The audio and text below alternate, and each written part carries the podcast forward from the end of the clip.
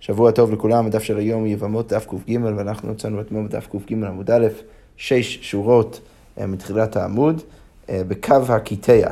אתמול, אה, דרך דיון סביב האנפיליה, שזה סוג של נעל של, של בגד, אז הגענו לאיזה, ציטטנו איזה ברייתא בסוף הדף אתמול, ששם ראינו שאם האישה חולטת את הקו של הקיטע, שהקיטע זה בן אדם שחתכו לו את הרגל, אז לפעמים הוא היה הולך עם איזה, עם איזה כלי אה, בסוף הרגל שלו, שהוא היה שם את מה שנשאר מהרגל בתוכו, אז אם האישה חולטת את זה, אז חליצתה כשרה. עכשיו, הגמרא שואלת, מני, מי הוא התנא שיחשוב, או שאפשר להסיק משיטתו במקום אחר, שהוא יחשוב שבדיעבד, או, או אולי אפילו לכתחילה, החליצה הזאת היא כשרה. אז הגמרא שואלת, מני, רבי מאיר צריך להגיד שזה רבי מאיר, דתנן כתוב במשנה במסכת שבת. ש, ששם דנים סביב השאלה האם אפשר שהקיטע יצא עם הקו שלו, ובעצם השאלה שם זה האם הקו זה נחשב כנעל, כמשהו שהוא לובש או שהוא נועל, או האם זה נחשב כמשהו, כמסוי, שמשהו שהוא מטלטל החוצה אה, בשבת, שזה כמובן אסור, אלא אם כן יש עירוב.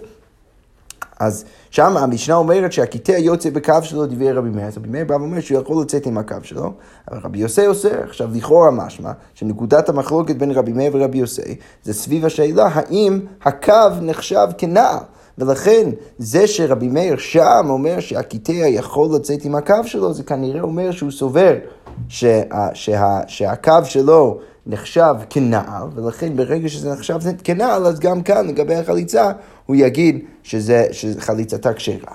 אוקיי, עכשיו, כתוב שם גם כן, אה, בתוך הברייתא, שאנפיליה של בגד, אה, אה, שם בברייתא שציטטנו אתמול, אנפיליה של בגד, אם היא חולצת את זה מהגבר, זה לא נחשב כחליצה. עכשיו, לכאורה משמע משם שאנפיליה של בגד לא נחשב כנעל. עכשיו, לכאורה משמע מזה ש, ש, שהברייתא שכותבת בסיפא שאנפיליה של בגד לא נחשב כנעל, לכאורה משמע שזה לא כרבי מאיר. וזה בדיוק מה שהגמרא תקשה. הגמרא אומרת באמפיליה של בגד, הטעם לרבנן, לכאורה משמע שיש סתירה בברייתא. למה? כי ברישא כתוב שהקו של הקיטר נחשב כנעל ולכן חליצתה כשרה, אבל בסיפא כתוב שהאנפיליה של בגד זה לא נחשב כנעל, ולכן חליצתה פסולה, שזה לכאורה משמע שזה כמו רבנן לעומת רבי מאיר. עכשיו, למה זה משמע שזה רבנן לעומת רבי מאיר? זה רש"י כותב. אנפיליה של בגד דקטני סיפא חליצתה פסולה, הטען לרבנן לכאורה משמע שזה שיטת חכמים, למה? דפליגי על ידי רבי, אה, סליחה, הטען לרבנן דפליגי על ידי רבי מאיר בקו הקיטע. למה? עלמא דלא הבי מנה. כי, כי החכמים שחולקים על, על, על רבי מאיר הם חושבים שגם הקו וגם האנפיליה זה לא נחשב כנעל. תהי רבי מאיר, כי אם רציתי להגיד שהסיפא שאומרת שהאמפיליה של בגד נחש, לא נחשב כנעל, זה אליבא דרבי מאיר, כי הבנתי קו הקיטה הווה נעל, אחרי שאנחנו רואים שרבי מאיר סובר של קו הקיטה זה נחשב כנעל, עלמא, אז לכאורה משמע מזה, ש, ש, ש, ואין הלכה תחש לא דייק, אנפיליה נמי תיאבי נעל. אז אז רש"י כותב שמזה שאנחנו רואים שרבי מאיר חושב שה, שהקו הוא נחשב כנעל, אז כנראה שהוא לא מדייק את הפסוק שציטטנו אתמול, שזה בעצם מצמצם את ההגדרה של נעל. אה, אה, אה, למשהו שהוא ספציפית נעל של, של אור, ש, ש, שהוא נראה כמו סנדל. הוא לא, הוא לא ממעט מהפסוק הזה, והוא לא ממעט את, ה, את כל שאר הדברים שאנשים שמים על רגליהם. לכן עכשיו ברגע שהוא לא ממעט, אז כנראה שהוא הוא, הוא היה גם אומר שהנפיליה של בגד גם כן נחשב כנעל. עכשיו, זה שבספר של הברייתא כתוב שחליצתה פסולה, לכאורה משמע שזה לא כמו רבי מאיר, והתנא רבנן לכאורה צריך להגיד שזה כמו חכמים. אז בעצם הגמרא יצרה עכשיו סתירה בין הרישא והספר, כי ברישא נשמע שאנחנו סוברים כרבי מאיר, וזו הגדרה יותר כוללת של מה נחשב כנעל, כולל גם כן הקו של הקיטר, אבל בספר אנחנו לא אומרים את זה. אז הגמרא עכשיו תראה, הגמרא עכשיו תביא שתי תירוצים לדבר הזה. אז קודם כל אמר אביי, מדספר רבנן, רישא נמי רבנן. באמת הברייתא צריכה להיות עקבית.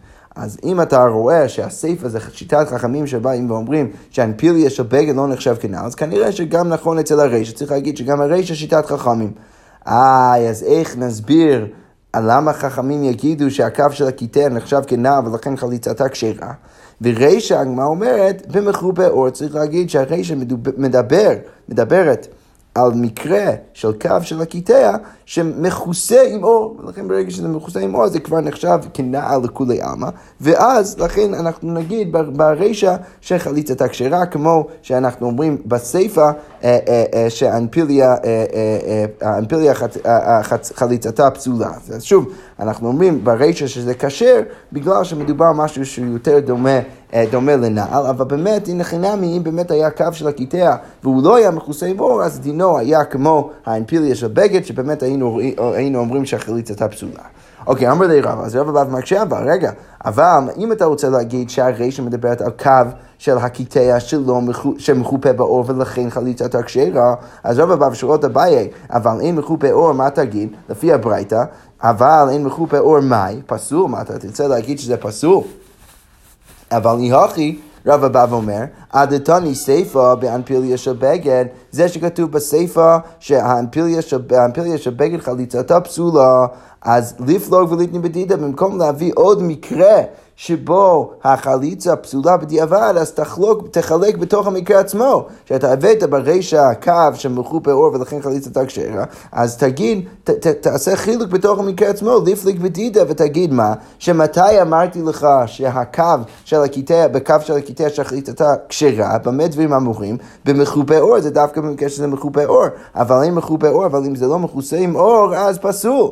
אז, אז אז, אז רבא בא ואומר, זה לא הגיוני איך שאתה מבין את הברייתא הבאה, למה? כי אם באמת הרשע הייתה מדברת על מקרה של קו שמחופה באור, אז הייתי צריך להביא את המקרה הזה בסיפא ולחלק בתוך המקרה עצמו. אז אלא אמר רבא, אז רבא מציע את הפתרון ההפוך. מדרישא רבי מאיר, מזה שאני רואה שהרישא רבי מאיר, סיפא נמי רבי מאיר, אז ודאי שהסיפא גם כן רבי מאיר. איי, אז למה, אה, למה, למה ברישא אביי, אה, אה, סליחה, אה, הברייתא אומרת לפי רבי מאיר שהקו נחשב כנעל ולכן חליטתה כשרה, אבל בסיפא הוא מצמצם מה, מה יכול להיות נעל ולכן האמפיליה של בגד חליטתה פסולה. אז הגמרא אומרת, יש עוד חילוק ביניהם, היי מגן והי לא מגן. הקו מגן ושומר על, הנע, על, על הרגל שלו, ולכן זה נחשב כנעל. ולכן חליטתו כשרה, אבל לגבי המקרה של האנפיליה של בגד, זה לא מגן, זה לא שומר על הרגל שלו, ולכן חליטתה פסולה. אוקיי, עכשיו אנחנו נמשיך, והגמרא אומרת עכשיו ככה, אמר המימר, היימה דחליץ צריך למדחסי לקרעי. אז המימר בא ואומר, בן אדם שהאישה עושה, אה, אה, עושה לו את החליצה, אז מה הוא צריך לעשות? צריך למדחסי לקרעי, הוא צריך לדחוף, רש"י כותב, לדחוף את רגלו בקרקע.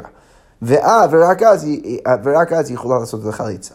אז הגמרא אומרת, אמר לי רב אשי למימר, האם זה באמת נכון? והתניא כתוב בברייתא שראינו אתמול, בין עומד בין יושב בין מוטה, לא משנה מה, מה הסטטוס של הבן אדם, האישה יכולה לעשות את החליצה בין אם הוא עומד, בין יושב, בין מוטה. אז זה כבר משהו שלא צריך בדווקא לדחוף את הרגל שלו לתוך הקרקע. הגמרא אומרת, אימה ולעולב לדחי זכרי, זה לא בהכרח סותר, אפשר להגיד שהוא יכול להיות בכל פוזיציה, אבל, אה, אה, אה, אבל פשוט תמיד זה צריך להיות מקרה שבו הוא דוחף את הרגל שלו לתוך הקרקע ואז היא עושה את החליצה. אוקיי, ואמר המימר עוד אמירה של המימר, המן דמסגי לי, דמסגי על ליכתא דקרי לא חליץ. אז כאן, המימר בא ואומר שאם יש בן אדם שהרגליים שלו הפוכות, הכף רגל שלו הפוך והוא הולך על, ה, על, ה, על, ה, על, ה, על הגב, על הראש של הכף רגל שלו, במקום, אה, במקום מה שקורה בדרך כלל, בגלל שהכף רגל שלו הפוך, אז הבן אדם הזה לא יכול לעשות חליצה.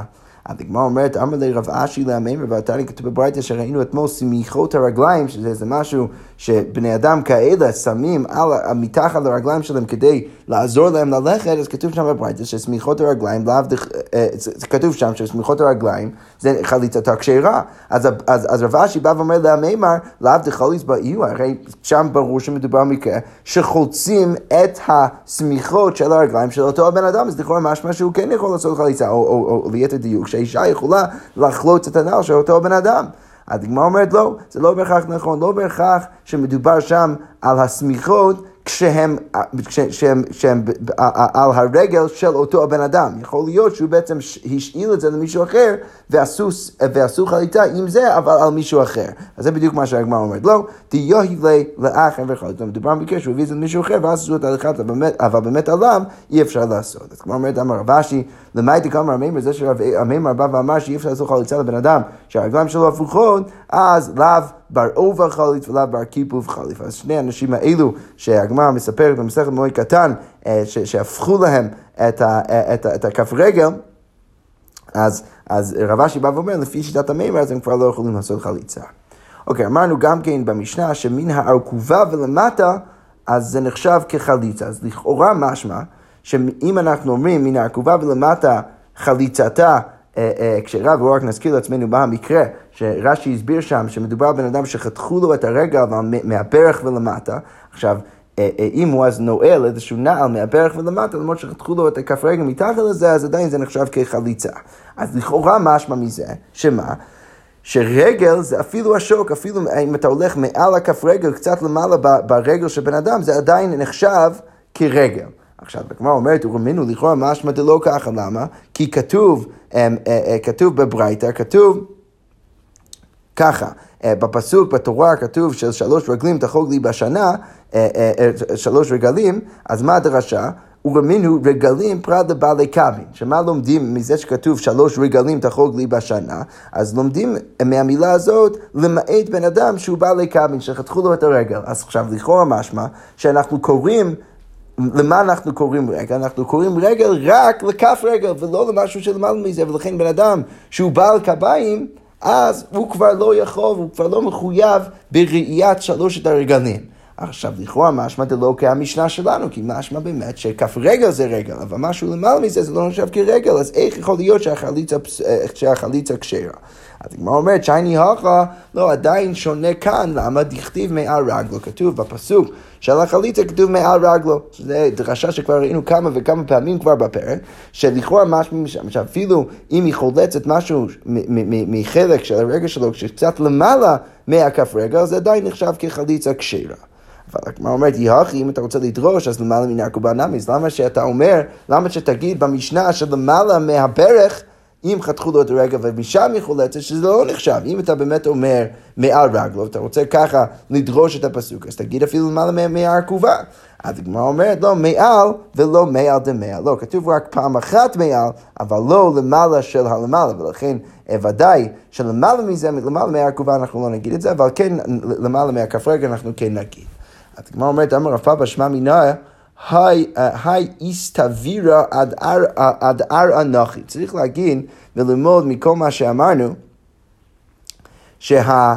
אה, אה, אה, שהאיסתבירה, שזה החלק שמחבר את הרגל לכף רגל, הוא בעצם, העקב בעצם, הוא, הוא בעצם נוחת, הוא נח על הקרקע. למה צריך להגיד את זה?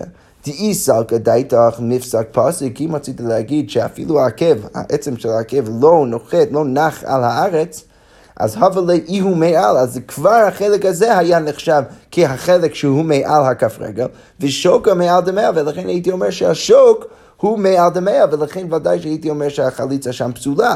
לכן מה צריך לומר? צריך לומר שהעקב הוא בעצם עדיין נחשב כחלק מהכף רגל, ולכן אני, אם אני הולך...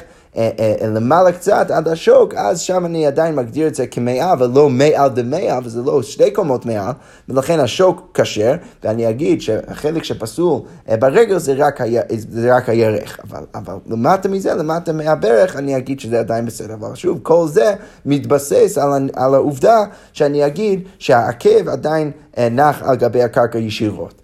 אז הגמרא אומרת, לא, זה לא בהכרח נכון. למה רב אשי אפילו תימא מפסק פסק, אפילו אם תרצה להגיד שיש איזה חילוק בין הכף רגל לבין העקב, עדיין כל דבעדה דיקרא כקרא דם, זה עדיין נחשב ככף רגל, ולכן אה, אתה יכול להגיד שזה הכף רגל ומעל הכף רגל נחשב כהשוק, אה, ולכן עדיין זה יהיה קשה לחליצה. אוקיי. אמרנו שוב במשנה גם כן, שמן הארכובה ולמעלה, אז זה כבר פסול. אז עכשיו אנחנו נראה כל מיני קושיות. אה, אה, וכל מיני הקשרים שבהם זה באמת נשמע שאפילו למעלה מהרכובה בירך זה עדיין, בירך זה עדיין נחשב כרגל ולכן לכאורה היינו צריכים להגיד שהחליצה כשרה. הדגמר אומרת בדיוק את זה, מתי רב כהנא ובשלייתה יוצא מבין רגליה. אז כתוב כתוב בספר, דבר, בספר דברים, כתוב, אה, מדובר על שליה שיוצא אחרי הלידה, אז כתוב שם שלייתה יוצא מבין רגליה. עכשיו, ברור שהשליה, כשזה יוצא, זה יוצא מאותו מקום של האישה, אז, אז זה יוצא בגובה של הירך. עכשיו, בכל זאת קוראים לזה רגל, אז אם אנחנו קוראים לזה רגל, לכאורה משמע שמיני עקובה ולמעלה היה צריך להיות חליצה כשרה. הגמרא אומרת, אמר אביי, לא, זה לא בהכרח נכון. למה עכשיו אנחנו נגיד, שה... למה אנחנו אומרים שהשליה יוצא מבין רגליה? בגלל שמדובר על איזו פוזיציה מאוד מאוד ספציפית של האישה, אמר אביי, בשעה שקורעת ללדת, ברגע שהיא קורעת כדי ללדת, נועצת הקיבה בירכותיה ויולדת. היא בעצם כופלת את, ה, את, ה, את הרגליים שלה, את הברך שלה, כדי שזה יוצא, שמה שיוצא לה מהגוף, יוצא מבין גם הירך שלה, אבל גם מבין השוק והכף רגל שלה, ולכן אנחנו אומרים שבשלייתה יוצא מבין הרגליה. וזה לא בגלל שאנחנו קוראים לה ירך רגל, זה באמת למעלה מהרגל, ולכן חליצה אותה פסולה, אלא שהיא פשוט אה, מכניסה את עצמה לאיזו פוזיציה מסוימת אה, כשהיא יולדת, ולכן אנחנו אמרנו את זה ככה בפסוק. אוקיי, תשמע, אבל עדיין כתוב, אה, כתוב בספר שמואל על, על מפיבושת, אז כתוב לא עשה רגליו ולא עשה שפמו. אה, מה הכוונה לא עשה רגליו? כשדוד המלך הגיע אל, אל מפיבושת, אז כתוב שם שהוא, שהוא לא, לא ניקה את עצמו. עכשיו, מה הכוונה לא עשה רגליו? אז רש"י כאן כותב, לא הסיר שיער זקן התחתון, אז הוא לא הסיר את, השיער, את השערות באותו מקום שלו, אה, לפני שדוד המלך הגיע, אבל בכל זאת, איך שזה לא יהיה, מה משמע מזה? שקוראים לחלק הזה של הגוף רגל, אז לכאורה משמע מן הרכבה ולמעלה, שוב, חליצה הייתה אמורה להיות כשרה. אז הגמרא אומרת לא, לשנה מעליה, רק קוראים לזה, אה, אה, זה באמת לא באמת קוראים לאותו מקום רגל, אלא פשוט השתמשו באיזשהו לישנה לשון נקי כדי לדבר על זה שהוא לא הוריד את אותם השערות, אבל זה לא באמת מעיד על כך שאנחנו קוראים לרגל, לאותו מקום רגל. אוקיי, תשמע, ויבוא שאול להסך את רגליו, כתוב ששאול הולך אה, ללכת לשירותים להשתין, אז כתוב מה? להסך את רגליו, לכאורה משמע שאותו מקום של הגוף קוראים רגל. אז שוב, אותה קושייה, אז הגמרא אומרת, לא, עדיין לשנה מעליה, זה עדיין רק לשנה מעליה, ולכן זה לא מעיד על שום דבר. תשמע, אך מסכו רגליו בחדר המקרה, שכך כתוב לגבי לגבי עגלון מלך מואב, אז כתוב גם שהוא היה משתין, אה, וכשמדובר על אותו הפעולה, אז כתוב מסכו רגליו, לכאורה משמע שאותו מקום זה גם כן, אה, זה גם כן קוראים לזה רגל, אז כמו אומרת לא, לשלמה איה, גם כן זה לשון נקי. אוקיי, כתוב גם כן אצל יעל, כתוב בין רגליה, שלכאורה משמע ש...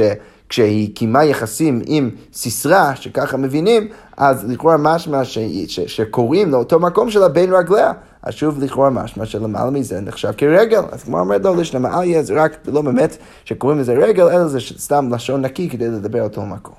אוקיי, אם כבר אנחנו מדברים על יעל וסיסרא, אז הגמרא אומרת כך, אמר ביוחנן שבע בעילות בא לאותו רשע באותו היום. אז היו, אז, אז סיסרא קיים שבע בעילות עם יעל באותו היום, שנאמר, וכאן אנחנו נראה שבע פעולות באותו הפסוק שסיסרא עשה. בין רגליה קרה, אחד, נפל, ש... שתיים, שכב, שלוש, בין רגליה קרה, חמש, נפל, אה, אה, אה, סליחה, קרה, ארבע, נפל, חמש, באשר קרה, שש, שם נפל, שבע, שם נפל שדוד. יפה, אז, אז באמת בשם משמע שהוא קיים שבע פעולות, שבע בעילות באותו היום. אז הגמרא עכשיו מקשה, רגע, איך יכול להיות שיעל באמת עשתה את זה והקא מתניא מעבירה? הרי היא נהנתה לכאורה מהעבירה שהיא קיימה עם סיסרא. אז הגמרא אומרת לו, אמר רבי יוחנן משום רבי שמעון בר יוחאי, כל טובתן של רשעים, כל פעם שהרשע נהנה, רעה היא אצל צדיקים. ודאי שלא יכול להיות שהצדיק או הצדיקת אה, נהנית.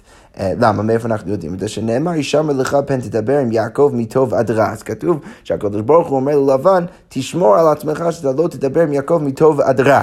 עכשיו, בשלום הרע, הקדוש ברוך הוא אה, אומר ללבן, למה אתה לא, אה, אתה לא יכול להגיד שום דבר אה, רע ליעקב, לחיי, זה אני יכול להבין, אלא טוב אמר לו, למה לבן לא יכול להגיד, לדבר על משהו טוב עם יעקב, אלא שמע מינה, זה מלמד אותנו שהצדיק לא רוצה לשמוע את הטוב של הרשע. טובתן של רשעים רעה היא אצל צדיקים, לכן ודאי שיעל לא נהנתה. אוקיי, אז הגמרא אומרת, בסדר. שם אני יכול להבין, אצל יעקב אבינו אני יכול להבין למה הוא לא היה רוצה לשמוע דבר טוב מלבן, כי זה כנראה יהיה תמיד קשור בעבודה זרה. בשלמה התם תלמיד קרלי שמע דעבודה זרה, יכול להיות שהוא יזכיר עבודה זרה, ולכן הוא לא רוצה את הטוב של לבן. אבל אלא הכה, מה יראה איכה, איך, יש כאן דבר רע, שהיא בהכרח, אה, אה, בגלל זה לא, לא תהנה מזה. אז הגמרא אומרת, אה, הסיבה זה בגלל שהיא בעצם ברגע ש, שהם מקיימים יחסים, אז הוא, הוא, הוא, הוא יכניס משהו שהוא מלוכלך לתוך הגוף שלה, דקשדי בזוהמה.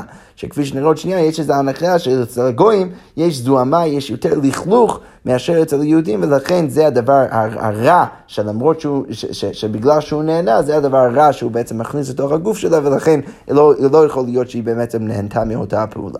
אז שוב, הגמרא אומרת, דקשדי בזוהמה, דאמר רבי יוחנן בשעה שבה נחש על חווה התיר בזוהמה. אז כשהנחש בתמונה של חז"ל, בתמונה המדרשית של חז"ל, כשהנחש קיים יחסים עם חווה, אז הוא הכניס איזה זוהמה לתוך הגוף שלה. אז ישראל שעמדו על הר סיני פסקה זוהמתם, אז ישראל שהייתה להם את ההזדמנות בהר סיני אה, לטהר את עצמם, אז פסקה זוהמתם, אז הזוהמה, הלכלוך הזה יצא מהגוף שלהם, אבל אצל הגויים שלא עמדו בהר סיני, לא פסקה זוהמתם, ולכן זה בעצם הדבר הרע שהיא קיבלה מסיסרא, ולכן לא יכול להיות שהיא באמת נהנתה מאותה הפעולה. אוקיי, אמרנו גם כן במשנה שאם היא חלצה במינל שאינו שלו, אז זה גם חליצתה כשרה. אז הגמרא אומרת, תנו רבנו כתוב בברייתא, נעלו כתוב בפרשה, אין לי אלא נעלו, לכאורה משהו צריך להיות הנעל של אותו הבן אדם. נעל של כל אדם מנהל, מאיפה אני יודע שאם היא עושה חליצה, לפחות בדיעבד עם נעל של מישהו אחר, זה גם כן תופס וזה כשר. תלמוד לומר, נעל, נעל מכל מקום. כתוב עוד פעם נעל, שזה מלמד אותי שאפילו נעל, אפילו הנעל שלו, זה עדיין תופס לפחות בדיעבד. אז הגמרא אומרת, אם כן, מה התלמוד לא אמר נעלו? למה כתוב נעלו? אם באמת אתה רוצה להגיד שזה יכול להיות הנעל של כל בן אדם, אז הגמרא אומרת, נעלו הראוי לו, צריך להיות נעל שבאמת מתאים לאותו בן אדם. פירט שזה ממעט לגודל שאין יכול להלוך בו, לנעל שיותר מדי גדול שאי אפשר ללכת בו, ופרט לקטן שאין יכול רוב רגלו, אם יש איזה, איזה נעל יותר מדי קטן שלא לא מכסה אפילו את רוב רגלו. הוא פירט לסנדל המסוליים שאין לו עקב, שזה איזה אה, אה, אה, אה, סנדל שהוא פתוח מאחורה.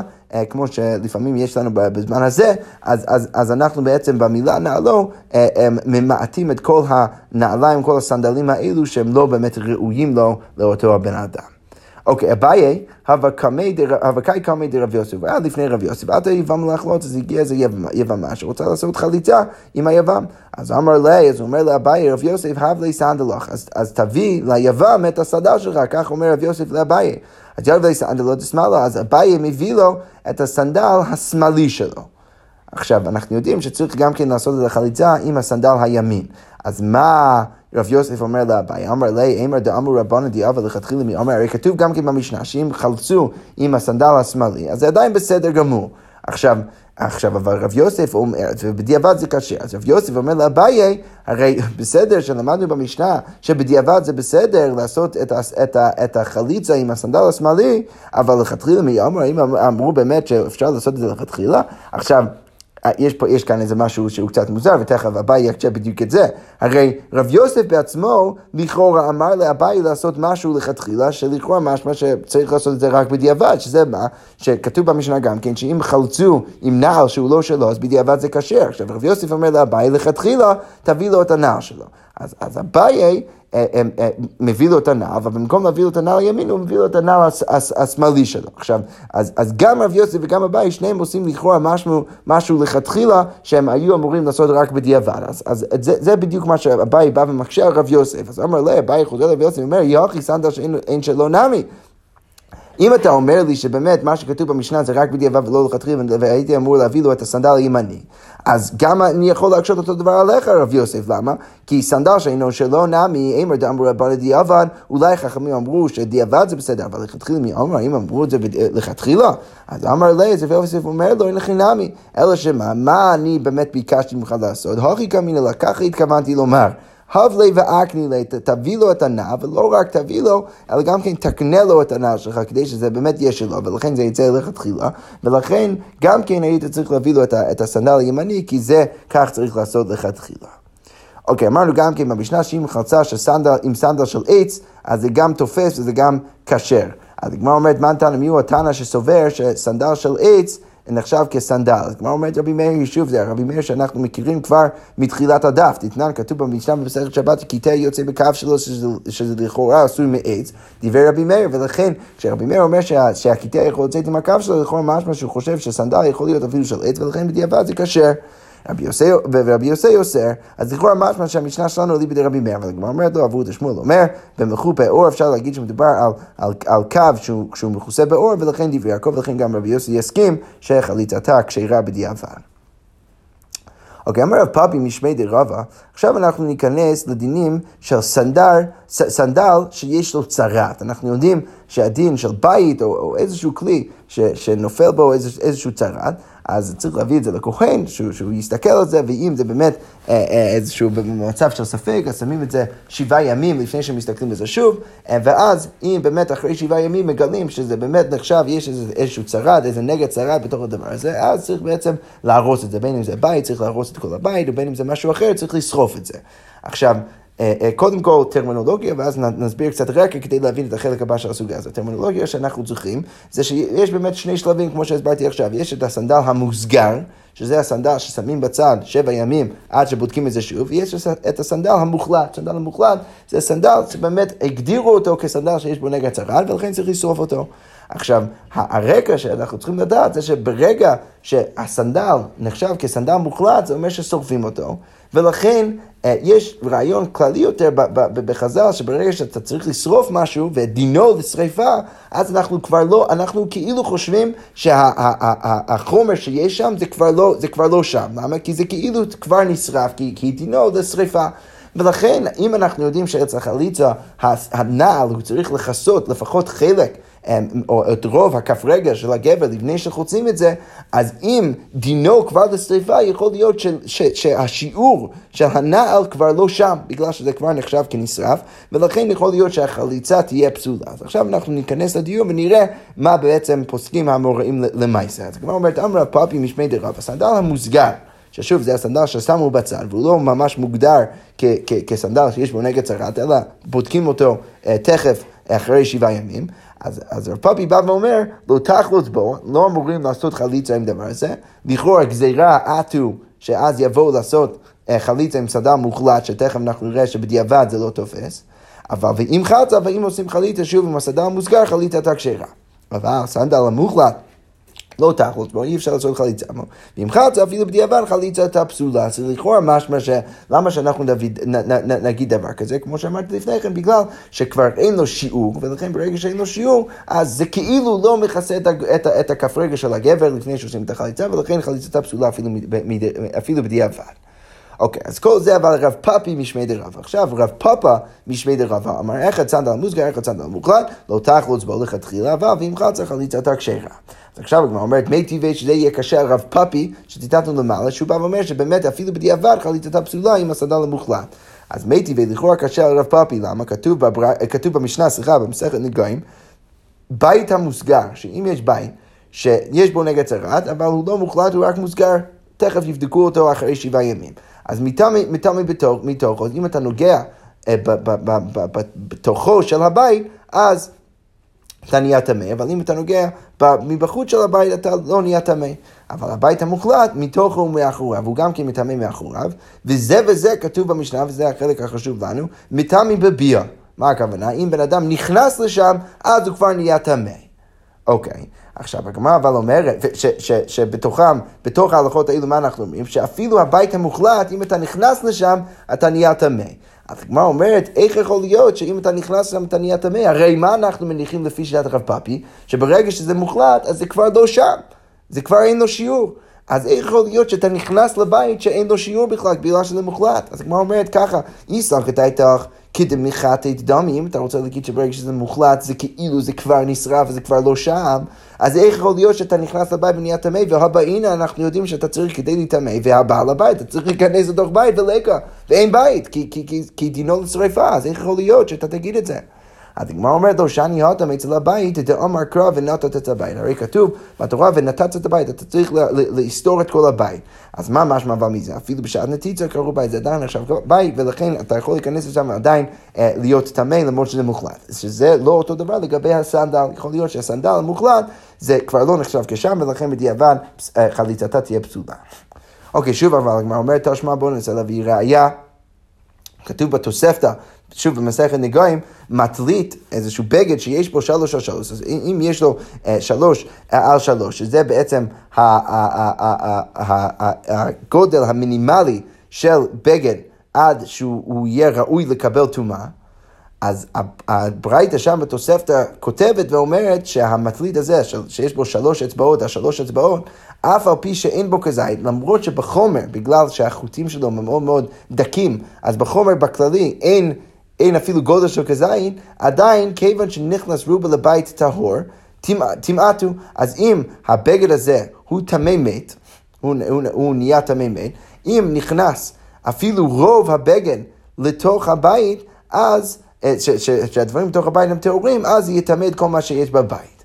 עכשיו, אה, אה, הגמרא אומרת, לכאורה משמע שמדובר כאן על בגד, סליחה, שהוא לא טמא מת, אלא על בגד שזה בגד מוחלט, מה אליו מוחלטת. עכשיו, אם באמת מדובר על בגד שהוא מוחלט, שיש בו נגד צרת, אז לכאורה משמע שכשאתה מכניס את זה בבית, משמע מכאן שזה יכול לטמא את הבית. עכשיו, אבל אם אנחנו אמרנו שכל דבר שמוחלט אין לו שיעור, אז איך יכול להיות שזה באמת מטמא את הבית? אז הגמרא אומרת, לא, מדובר על, על, על, על בגד מוסגרת, לא מוסגרת, לא במוחלטת, אלא במוסגרת, ולכן אני יכול להבין איך זה מטמא את הבית. אוקיי, אבל הגמרא אומרת, רגע, אי הכי, אם אתה רוצה להגיד שמדובר על מוסגר ולא המוחלט, אם הסיפה... היו בה כמה זיתים, כיוון שנכנס ממנו כזית לבית הטהור, תימטו. אבל כתוב כאן בסיפא, שאם היו כמה זיתים בחומר של הבגד, אז אם, אה, אה, כיוון שנכנס ממנו כזית לבית, אם נכנס אפילו כזית של חומר לתוך הבית, אז זה כבר מטמא את הבית. עכשיו, לכאורה משמע מזה, שזה נחשב כדבר שהוא, שהוא טמא מת. עכשיו, כפי שנראה עוד שנייה בגמרא, הגמרא מניחה שההקבלה של דבר שהוא טמא מת למשהו שיש בו נגד צרת, זה נכון רק לגבי משהו שהוא מוחלט. אה, אה, אה, ולמה, ואיפה אנחנו רואים שזה בכלל, שאנחנו תופסים את זה כאילו זה טמא מת? בגלל שאנחנו אומרים שברגע שאתה מכניס כזית של חומר של הבגד, אפילו לכאורה אם זה לא רוב הבגד, עדיין ברגע שאתה מכניס כזית של חומר זה מטמא. עכשיו הדין של כזית שמטמא באוהל זה דין של טומאת מת. אז אנחנו רואים כאן מהספר שיש איזו הקבלה בין הבגד שיש בו נגד צרד לבין טומאת מת. עכשיו אנחנו, אם אנחנו, בהנחה שאתה אומר את ההקבלה הזאת רק בבגד שהוא מוחלט, רק בדבר שהוא מוחלט, אז ודאי שצריך להגיד שהברייתא מדברת על בגד מוחלטת. אז הגמרא אומרת בדיוק את זה, אם את בשלמה מוחלטת, היינו דעת כשלמין, אני יכול להבין למה אנחנו תופסים את זה כדבר שיש בו טומאת מת. אבל אלא היא אמרת מוסגרת, אם אתה רוצה להגיד שמדובר על בגד מוסגרת, אז מה יתקש למת? אז למה אנחנו תופסים את זה כמשהו שיש בו טומאת מת? אלא צריך לומר שהברייתא באמת כן מדברת על מוחלטת. אה, אבל אם אנחנו נגיד את זה, אז לכאורה משמע, אה, לכאורה משמע קשה מהרישא, למה? כי ברישא... לא ברור למה אנחנו אומרים שהשיעור של הבגד רלוונטי, אם באמת זה כבר מוחלט, ולכן זה כבר נחשב כנשרף. אז כמו אומרת לו, שאני אתם באמת אפשר להגיד שמדובר על בגד מוחלט, אלא דאמר קרא ושרף את הבגד. כמו שאמרנו גם כן לגבי הבית, כאן אנחנו אומרים את זה גם כן לגבי הבגד, שכתוב בתורה ושרף את הבגד, מה משהו מזה? אפילו בשעת שריפה קרוי בגד, אז אפילו כשאתה שורף את זה, זה עדיין נחשב כבגד, ולכן ודאי שזה לא קשה, ודאי שעדיין יש לו שיעור, בעוד שאצל הסנדל אנחנו יכולים אולי להגיד לפי רפאפי, שברגע שזה מוחלט כבר לו שיעור, ולכן אפילו החליצה בדיעבד תהיה פסולה. אבל מה אומרת, בסדר, אבל וליגמר מינה, עכשיו ראינו שתי דוגמאות, גם של הבית וגם של הבגד, שלמרות שזה מוחלט, עדיין נחשב כאילו יש לו שיעור, אז למה שלא נלמד משם? אז הגמרא אומרת, לא, איסור מטומאה לא גמרין, אנחנו לא, לא לומדים איסור מטומאה. אצל טומאה אנחנו יכולים להגיד שזה עדיין נחשב כמשהו שיש בו שיעור, ולכן אם אתה נכנס לתוך הבית, או אתה מכניס את הבגד לתוך הבית, אז זה עדיין נחשב כמשהו שיש בו שיעור למרות שזה מוחלט, אבל אצל איסור של, של חליצה, אי אפשר להתיר את האישה כשהיא עושה חליצה עם... עם, עם, עם, עם נעל ש, שהוא הולך לשרפה ולכן אין לו שיעור ולכן אי אפשר דרך זה להתיר אותה לשוק.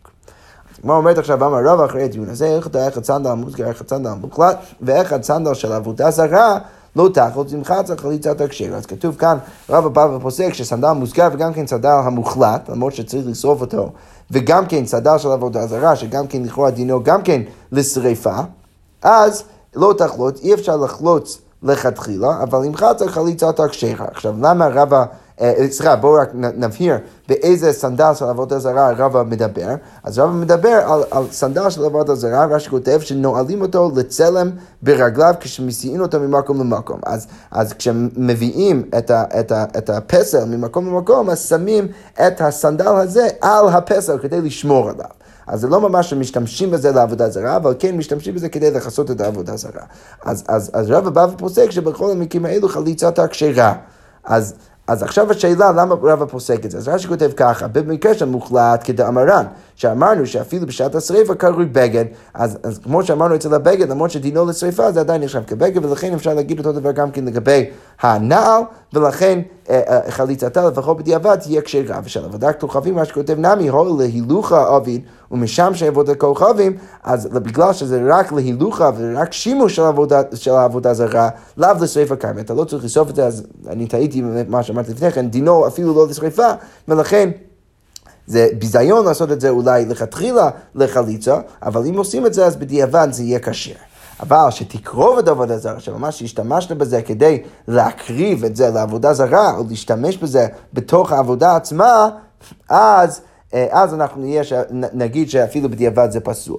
אז שוב, לתקרוב את עבודה זרה, ושל עיר הנידחת, שזה של עיר ש... שכולו לשריפה, ושל זקן האסור לכבודו, וגם כן איזה נעל של זקן שעושים את זה לכבודו, אז, אז בגלל, ש, ורש"י כותב, בגלל שבדרך כלל לא משתמשים בנעל הזה ללכת, אז לא תחלוץ, אז אי אפשר לחלוץ לכתחילה, ואם חצה אפילו בדיעבד חליצתה פסולה.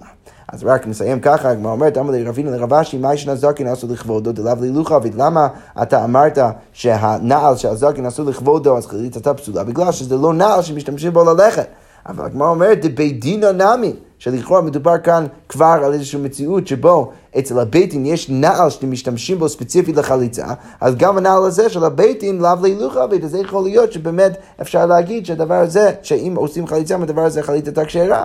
אז הגמרא אומרת, אמר ליה, אז בא רב אשי וחזרה ואומר לרבינה, אילו, אילו מסקי בי שילוחא דביתין, אם, אם הביתין באמת, השלוחים של הביתין באמת היו נועלים את הנעל הזה של בית הדין, מקפיד עלי דיינה, אם הדיינים היו מקפידים? לא, זה ודאי משהו שתאורטית אפשר להשתמש בו כדי ללכת, ולכן שם אנחנו נגיד שאפשר לחלוץ, אבל אצל הנעל של הזקן שעשוי לכבודו, ודאי שאי אפשר להשתמש בזה בכלל להילוך, ולכן ודאי שאנחנו נגיד שחליצתה עם זה פסולה אפילו בדיעבד.